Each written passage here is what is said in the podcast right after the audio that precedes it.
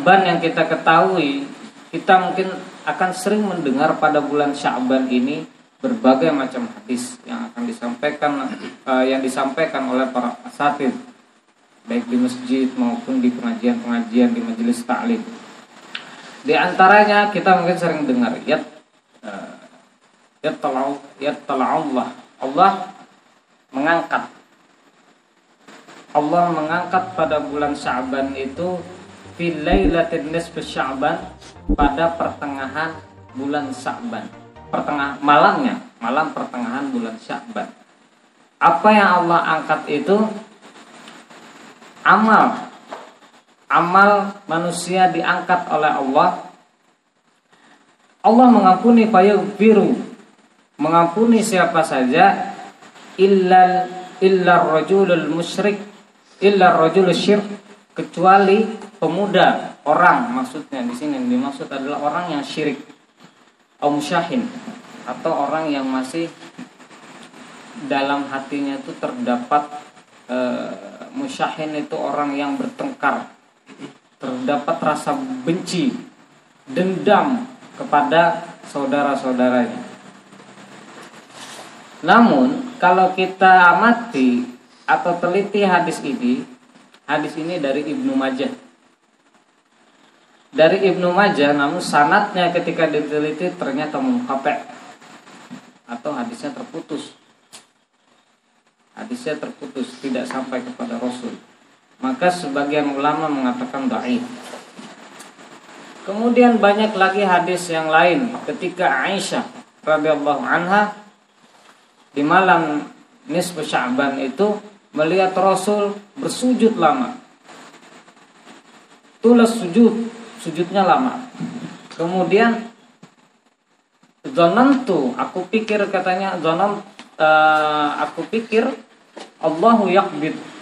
Allah mengangkatnya, menangkap maksudnya itu telah mengangkatnya. Kemudian Aisyah menggerakkan wayat harfu ibham. Digerak uh, apa menggerakkan jempol Rasul disentil oleh Aisyah. Setelah itu bergerak Rasul. Baru setelah Rasul selesai dari sholat Wayaf minas sholat Rasul berdiri dan Kemudian Rasul bertanya kepada Aisyah Apakah kamu pikir Aku tidak akan menat, apa, menepati Atau memenuhi hak-hakku sebagai Nabi? kata Rasul. Nah, Maksudnya adalah Apakah kamu berpikir aku akan meninggalkan kalian semua sekarang? Lalu kemudian Rasulullah bertanya kepada Aisyah, "Atadri ayyul lail hadhi?" Apakah kamu tahu malam ini malam apa kata Rasul? Kemudian kata Aisyah Allah dan Rasulnya lebih tahu. Ini sekedar retorika aja sebenarnya Rasul. Rasul biasanya begitu pertanyaan yang tidak perlu dijawab. Kemudian langsung Rasul jawab, malam ini Allah mengangkat yarfa'ullahu amal Allah mengangkat amal hamba-hambanya. Kemudian di, uh, dan di malam itu dan aku tidak ingin kata Rasul ketika aku diangkat dalam keadaan aku uh, tidak melakukan hal kebaikan. Nah hal ini senada. Hadisnya ini walaupun daif Tapi ternyata ada hadis yang senada Yang redaksinya hampir mirip dari uh, Usama bin Zaid. Usama bin Zaid. Usama bin Zaid bertanya Kepada Rasulullah Lam aroka Min syuhuri minas syuhuri Minas syuhuri sya'ban? Aku tidak melihat kata uh, Usama Rasulullah ini banyak berpuasa lebih dari bulan-bulan yang lain kecuali bulan Sya'ban.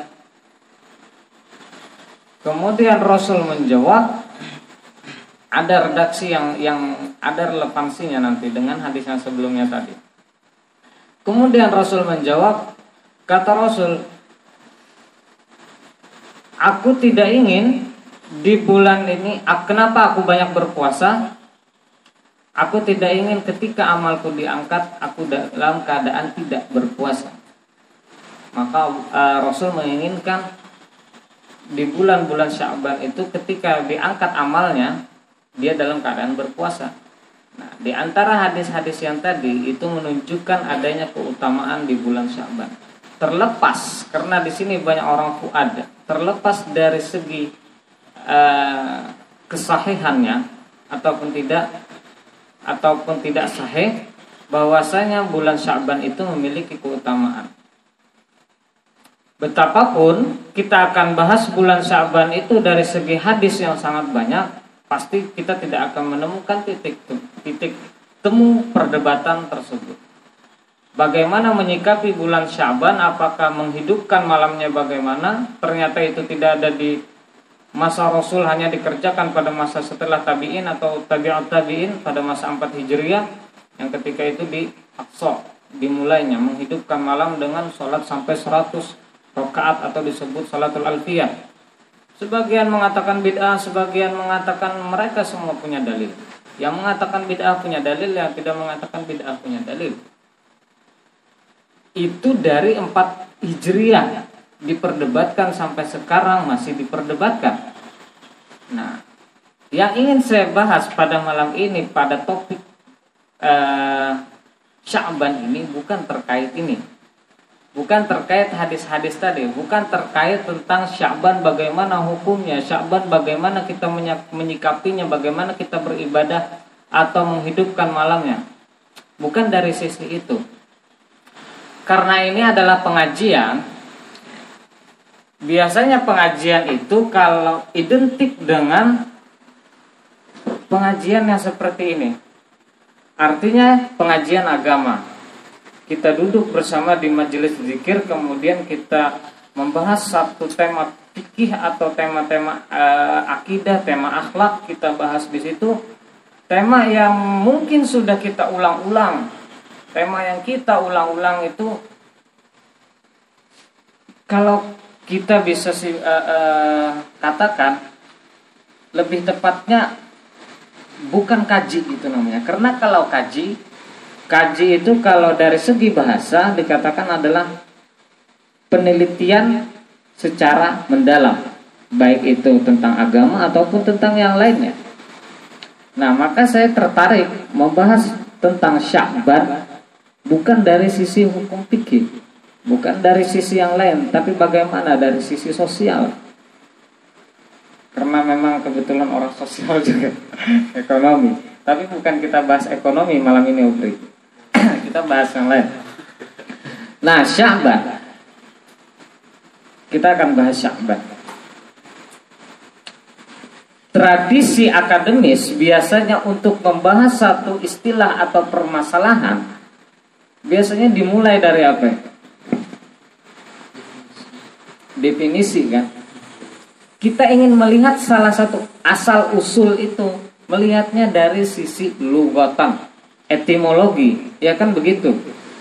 Dan itu sudah tradisi itu sudah dilakukan oleh para ulama baik dari kalangan tabi'in dan bahkan dari eh, ulama-ulama tafsir itu sudah dilakukan dan kajian ilmu tafsir kalau orang usuluddin tahu dari mana ilmu tafsir itu apa ilmu yang an ilmu yang rafu anil kalam, ya kan? Tentang kalamullah dari sisi apa? Min wajhid dilalah, dari segi dilalah. Bagaimana kalamullah itu dilihat dari kata-katanya, apa maknanya ini? Maka di situ melahirkan hikmah, melahirkan hukum. Kan begitu. Nah, maka begitu juga e, dalam tradisi akademi harusnya kajian-kajian apa pun kita lakukan dengan cara yang seperti itu. Lalu bagaimana kalau Syaban kita potret atau kita lihat dengan kacamata etimologi. Sya'ban itu ternyata terambil dari kata sya'aba. Sya'aba itu maknanya bisa apa namanya majriul ma atau tempat mengalirnya air. Air itu akan mengalir ke mana pun kalau ada celah. Ya, begitu kan? Kita buat satu selokan Kemudian ke mana akan kita belokkan air itu dia akan membelok. Ke mana kita buat galian lubangnya dia akan mengalir ke sana ke mana pun. Dia akan mengaliri cabang-cabang cabang-cabang itu. Syaat namanya. Orang Arab biasa menyebut uh, kalau sekumpulan orang banyak syu'bah. Nah, syu'bah, syu'b. Orang-orang kalau banyak itu disebut syu'bah. Tapi maknanya bukan karena banyak itu kemudian disebut syu'bah Disebut syu'bah itu apabila di situ sekumpulan orang banyak yang terdiri dari perbedaan ternyata. Ada cabang-cabangnya berbeda, ada yang ke kanan, ada yang ke kiri. Dikatakan syu'b dalam Al-Qur'an kita temukan di Al-Hujurat kan? Al-Hujurat ayat 13. Al-Hujurat ayat 13 ya ayyuhalladzina amanu. Uh, wahai eh, bukan ya ayyuhalladzina amanu. Sebelumnya ayat ayat 12-nya ayat 12-nya ya ayuhan nasu. Apa? Syu'ba wa qaba uh, ya. Waja'alnakum min dzakarin aw unsa aw unsa ah qabaila li ta'arafu syu'ba wa qabaila li ta'arafu ah indallahi atqakum. Ya kan? Kayak gitu. Bahwasanya kami jadikan kalian bersuku-suku. Syu'ub itu suku kan? Ada suku bersuku-suku. Nah orang Arab itu juga bersuku-suku. Dikatakan dia bersuku itu lebih besar dari kabilah yang dimaksud. Kalau kabilah orang Arab itu. Jadi kalau Ibnu Katsir mengatakan yang disebut dengan syu'ub itu adalah dia lebih besar dari kabilah dan itu di luar dari kabilah Arab. Mereka ingin menunjukkan kalau Syu'ab itu bukan bagian dari mereka. Artinya berbeda. Kalau orang Arab mereka disebutnya kabilah, kabilah, kabilah, kabilah, kabilah. Nah kalau kami dulu di Yordania itu orang ada kabilah-kabilahnya, ada kabilah Tarauneh, ada kabilah eh, apa namanya Rosdah, macam-macam kabilah-kabilah itu. Kabilah-kabilah itu di dalam Ibnu Katsir tadi disinggung tentang mat bukan kabilah syu'bah disinggung bagaimana sebenarnya syu'ub itu yang dimaksud dengan syu'bah itu tadi. Yang dimaksud dengan bersuku itu tadi ternyata yang suku itu adalah bukan bagian dari kita yang di luar. Nah yang dimaksud di suku di sini adalah selain dari orang Arab. Karena kalau kita memotretnya dari segi tafsirnya tadi karena kan Al-Quran itu berinteraksi dengan masyarakat ketika itu. Yang dimaksud dengan kabilah adalah kabilah Arab. Kemudian yang di luar dari kalian kabilah Arab itu disebut Syom Nah kalian berbeda. Tujuannya apa? Lita'arafu kata Allah. Tujuannya lita'arafu. Tetapi Allah ingin menekankan Kalian dia berbeda. Tetapi yang Allah ingin tekankan Di antara kalian walaupun kalian berbeda Tapi yang di sisi Allah yang paling baik itu adalah orang yang bertakwa. Kan kayak gitu Nah, syu'ub itu tadi kemudian dijelaskan di dalam hadis Rasulullah SAW dari Abi Hurairah, ta'allamu, ketahuilah kata Rasul. Maksudnya kenalilah atau ketahuilah. Min ansa, min ansabikum dari nasab-nasab kalian. Kalian tuh dari mana? Oh saya dari Batak, oh saya dari Dayak, oh saya orang Dayak dari ini, dari suku ini, dari suku ini, suku ini. Kenalilah supaya apa? Kenalilah min ansabikum li'annahu ittasilu min arhamikum karena itulah yang akan membuat kalian saling silaturahmi.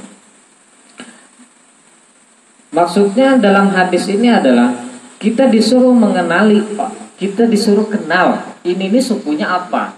Ini bagiannya apa? Ini sukunya dari mana? Ini asalnya dari mana? Itu yang diinginkan Al-Qur'an. Jadi perbedaan itu kita diminta untuk kita mengenal perbedaan tersebut justru. Sebagai contoh, justru pada akhirnya perbedaan itu akan mempersatukan. Contoh saya dengan istri saya, saya orang Banjar, istri orang Bandung. Kata Rasul, ta'alamu, kenalilah, ketahuilah, kenalilah, dikenal. Bagaimana istri saya itu orang Sunda, bagaimana saya mengenalnya? Oh rupanya orang Sunda itu tidak suka kalau kita sendawa di depannya. Itu dia merasa kita tidak sopan. Oh berarti saya nggak begitu. Nah dari situ akhirnya kita mengenal karena perkenalan kita dengan suku tersebut, bagaimana suku itu sebenarnya, itulah yang akhirnya mempersatukan. Yang sekarang terjadi perpecahan adalah karena kita tidak mengenal dia. Misalnya, kemudian istri saya itu pada awal pernikahan, ini saya curhat sedikit boleh. Pada awal pernikahan dia sering menangis. Saya bingung. Benar? Bukan karena dia nyesal menikah dengan saya. Tetapi saya bingung apa masalahnya? Kenapa dia tiba-tiba ngambek? Kenapa? Oh ternyata orang Banjar itu dia merasa apa cara saya berbicara itu membentak. Nah begitu ternyata dia ternyata belum kenal dengan orang Banjar. Dan saya belum kenal bagaimana Sunda. Sunda itu halus. Sakitnya di sini mereka tuh baperan gitu. Iya orang Sunda gitu, halus. Nah kemudian ada teman saya, tidak lama setelah saya menikah ada teman saya. Dia menikah tanpa perkenalan kayak gitu. Dia di Yordan, calon istrinya di Jakarta, eh di Indonesia maksudnya dia kuliah di Jakarta. Kemudian dia pulang diperkenalkan langsung nikah. Yang satu orang e, Betawi, yang satu orang Sunda. Oh, nyablak kau gimana orang Betawi? Ya kan? Kayak gitu mereka orang Betawi. Tiba-tiba dia curhat kepada saya, kenapa istri saya tiba-tiba senang nangis? Wah, saya udah tahu permasalahannya. Ta'alamu min ansabikum. Kata Rasul kan gitu. Kenali kalian dari nasab yang mana? Kau kamu dari uh, Betawi istri kamu dari Sunda ya tidak bisa kalau kita apa namanya e, berkomunikasi dengan cara kita tidak akan ketemu nah, begitu nah yang ingin kita fokus adalah Syaban ini tadi saya katakan saya bukan menggali dari sisi hukumnya tetapi bagaimana kita kaji secara mendalam Syaban itu dan relevansinya terkait apa namanya e, e, e, kesemrautan atau terkoyaknya persatuan Indonesia akibat pilpres ini. Ini kan di bulan Syaban, tepat waktunya. Bulannya bulan Syaban. Ya kan? Dan sengkarut pilpres ini ternyata masih berlanjut di bulan Syaban. Jangan sampai nanti kita dikatakan oleh Rasul tadi, kita termasuk tidak yang diampuni karena kita musyahid Orang-orang yang di hatinya masih ada dendam, masih ada benci terhadap teman sekamar. Kemarin ada yang terjadi perceraian, ada yang banting TV karena ternyata tidak ada yang menayangkan quickcon. Quickconnya nggak ada yang menang, ininya kan. Akhirnya dia banting TV-nya. Saking bencinya dia. Nah, padahal jadikan momen-momen Syakban ini kita gali makna Syakban itu, kita gali apa sebenarnya makna Syakban ini. Jadi kan makna Syaban ini sebagai pemersatu bangsa. Satu kita udah lewat pilpres itu. Nomor dua juga udah lewat. Sekarang saatnya tiga persatuan Indonesia. Nah, jadi ternyata Syaban itu kemudian kalau kita tadi dari segi bahasa etimologi, kemudian bagaimana terminologi. Dalam kitab uh, Lisanul Arab karangan Ibnu Manzur beliau mengatakan yang disebut dengan Sya'ban itu adalah ta'asyub ya ta'asyab bukan ta'asyub ya ta'asyab itu ya bercabang-cabang katanya. Ya ta'asyab minal khair. Bercabang-cabang kebaikan di situ. Pada bulan itu ada banyak cabang kebaikan maksudnya begitu. Ada banyak cabang kebaikan.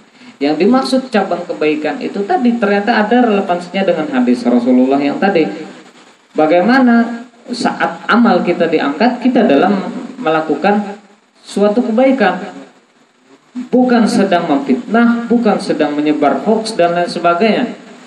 Nah, bagaimana itulah yang ingin kita sebarkan sebenarnya di bulan Syaban ini. Nah, itu yang kita sekarang di sini mengkaji bulan Syaban bagaimana Syaban ini maknanya kita gali dan kita sebarkan makna dan hikmah itu kepada teman-teman yang masih berantem. Teman-teman yang masih ada rasa dendam Apalagi teman-teman yang masih membuli uh, uh, teman yang lain karena hanya berbeda pilihan, ya kan? Maka tadi dikatakan, kenalilah. Oh, ternyata mereka itu yang wajar memilih ini, memilih 02. Oh, wajar mereka ini memilih ini. Kayak gitu. Oh, ternyata perbedaan-perbedaan itu kan karena kita mengenal karakteristiknya. Iya, iyalah orang Jawa. Dia senang dengan orang Jawa juga, dia coblos ngapain kita marah-marah kan gitu. Dia coblos juga orang yang Jawa. Wajar gitu, ya kan? Wajar karena perbedaan tersebut. Nah, maka kita harus mengenali perbedaan itu. Nah, itu satu. Kemudian di dalam hadis uh, Abi Hurairah juga mengatakan ter, masih terkait dengan syok tadi. Tafsir dari surah Al-Hujurat ayat 13 tadi. Kata Abi Hurairah, Abi Hurairah uh, dia mengatakan Su'ilah sahabat an Rasul sallallahu alaihi wasallam. Para sahabat bertanya. Su'ilah Rasulullah, Rasulullah ditanya oleh para sahabat ketika itu ayu akram ayu akramun nas ya Rasulullah? Siapa manusia paling mulia? Kan kaitannya tadi yang paling mulia di sisi Allah ayat tadi. Siapa yang paling mulia? kata kemudian Rasulullah menjawab yang paling mulia di sisi Allah adalah akramakum indallahi atqakum yang paling mulia di sisi Allah Allah adalah kalian yang paling bertakwa Laisa an hadza uh, yas'alni ya Rasulullah. Bukan tentang ini yang kami tanyakan ya Rasulullah. Kemudian Rasulullah langsung paham, menjawab. Yusuf kata Rasulullah uh, uh, Nabiullah Yusuf sallallahu alaihi wasallam. Yang paling mulia adalah Nabiullah Yusuf sallallahu alaihi wasallam. Kemudian para sahabat mengulang lagi bukan itu yang kami tanyakan ya Rasulullah.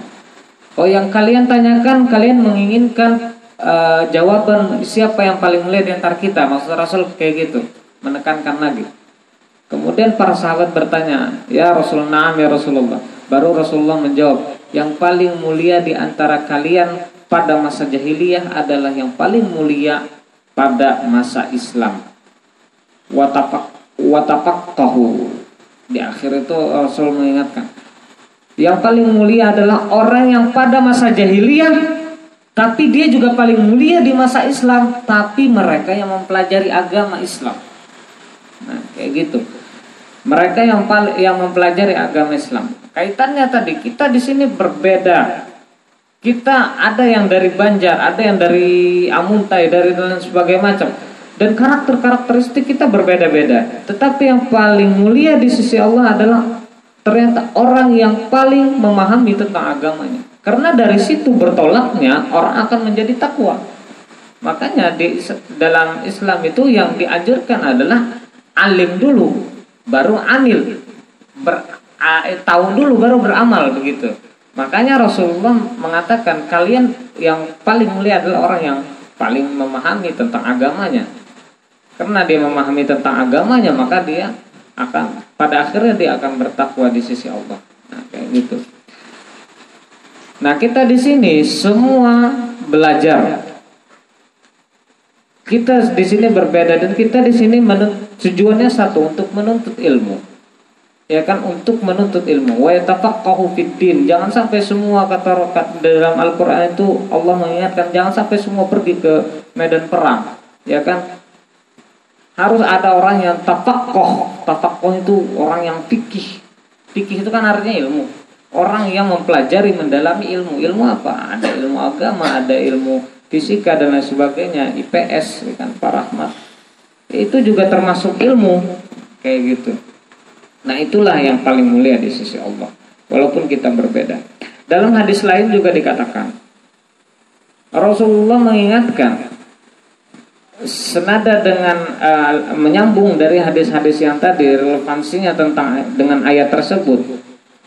Rasulullah mengingatkan walaupun kalian berbeda tapi yang dilihat Allah dari kalian itu bukan hanya ketakwaan tadi. Tetapi apa? Innallaha yanzuru ala la uh, innallaha la yanzuru ila suwarikum wala ajsamikum wala amwalikum. Allah tidak melihat kalian dari suara dari rupa, dari bagaimana fisik kalian, ajsamikum fisik dari harta kalian. Walakin Allah yang zuru ila qulubikum wa amalikum. Tetapi Allah melihat kalian dari sisi hati kalian bagaimana dan amalnya. Bukan hanya hatinya tetapi amalnya. Karena amal dengan hati itu pasti akan selaras ya kan? Niat itu adalah pekerjaannya hati. Nah, niat dan amal itu pasti selaras. Tidak mungkin orang uh, beramal baik dikatakan oh, niat jahat. Enggak. Karena apa? Innallaha yatawalla bisarair hanya Allah yang melihat apa yang tersembunyi aja apa yang tersembunyi dari manusia tersebut di dalam hatinya? Itu biar Allah yang menghukumi. Kalau manusia apa nakumu di zawahir kita melihat yang zahirnya aja. Oh iya zahirnya dia baik. Oh iya zahirnya dia ke ke Baitullah. Oh iya nggak masalah. Nggak usah di kita bersuudzon dan lain sebagainya. Nah makanya pada ayat sebelumnya ayat 12-nya itu disinggungnya adalah tentang larangan apa namanya e, berburuk sangka. Hindari ijtanibu katsiran minadh-dhann ya kan? Inna ba'dadh-dhann ism. Itu ayat 12-nya wala tajassasu. Janganlah kalian saling tajassas itu apa yuk kayak memata-matai. Uh, wala yaghtab ba'dukum ala ba'd. Jangan kalian saling mencela. Nah, karena kebiasaan kita memata-matai orang itulah muncul niat buruk nah gitu. Nah itulah yang terjadi sekarang itu. Maksud maksud kita adalah itu. Kita sekarang di momen-momen mau memasuki bulan Ramadan kita masih tajassus. Ya kan? Kita cari informasi apa pun yang kira-kira calon ini buruk. Kira-kira. Nah begitu kira-kira. Kita cari walaupun beritanya tidak valid gitu. Tapi kita berusaha untuk mencari itu dengan adanya suuzon suuzon suuzon nah itu tadi ada kaitannya maksudnya syaab itu tadi syaban itu tadi ada kaitannya begitu hadis Rasulullah itu. Nah, kita berharap bahwasanya pada bulan Sa'ban memasuki Ramadan kita habiskan seluruh uh, apa namanya pertempuran, seluruh pertengkaran apa pun, habiskan, tanggalkan semuanya. Mari kita rajut kembali gitu, persatuan-persatuan yang mulai terkoyak. Satu tambah dua menjadi tiga. Persatuan Indonesia semua kita harus bersatu. Itu yang sekarang.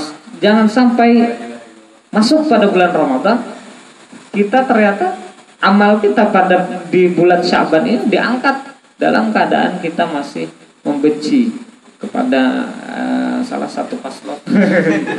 Tidak ada lagi namanya cebong. ya, artinya cebong pokoknya di bulan Syaban bertobat. Jangan sampai dia apa diangkat amalnya dalam keadaan dia menjadi cebong atau dalam keadaan dia menjadi kampret gitu kan. Nah, itu sudah harus kita akhiri gitu. Dan jujur itu beneran apa yang kita amati apa yang kita lihat seksama di uh, apa namanya di masyarakat itu masih terjadi.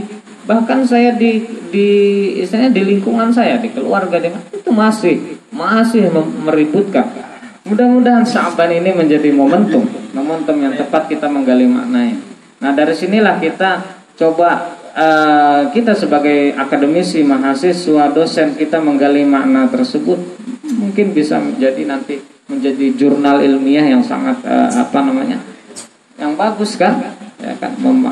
Menggali makna Sya'ban relevansinya terhadap persatuan umat uh, uh, ketika apa namanya uh, perpecahan kontestasi pilpres. Wah itu menarik itu untuk diangkat nah itulah maksud saya kaji nah itu yang kita maksud dengan kaji penelitian mendalam apa yang belum tergali hikmahnya Kan kayak gitu. Orang yang mempelajari tafsir biasa untuk menggali suatu hikmah dari syariat.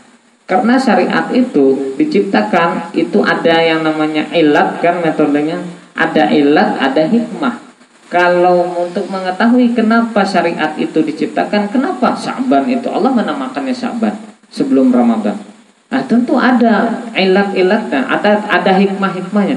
Kalau mengetahui hukum itu ilatnya, tapi kalau mengetahui buah dari hukum tersebut itu disebut hikmah. Nah kita sekarang menggali hikmah dari Sya'ban. Nah di antara hikmah Sya'ban adalah uh, tadi sebagai uh, apa namanya pemersatu ya kan sebagai perkat gitu. Mengingatkan kita bahwasanya kita tidak mungkin kita dijadikan satu kita pasti berbeda. Allah bahkan Allah menciptakan kita dalam keadaan kita itu dibuat level yang berbeda-beda. Bahkan Allah tantang apakah kalian yang membagi maksudnya membagi level tersebut di antara kasta-kasta manusia itu.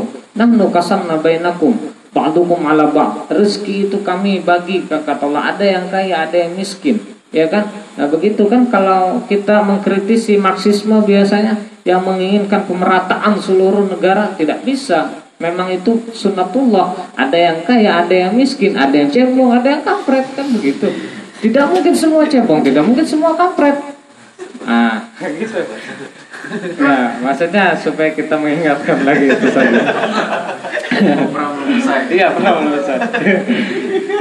Nah, mudah-mudahan tadi dengan kita menggali hikmah dari Sya'ban itu kita siap untuk memasuki babak berikutnya yaitu Ramadan yang kita tunggu-tunggu.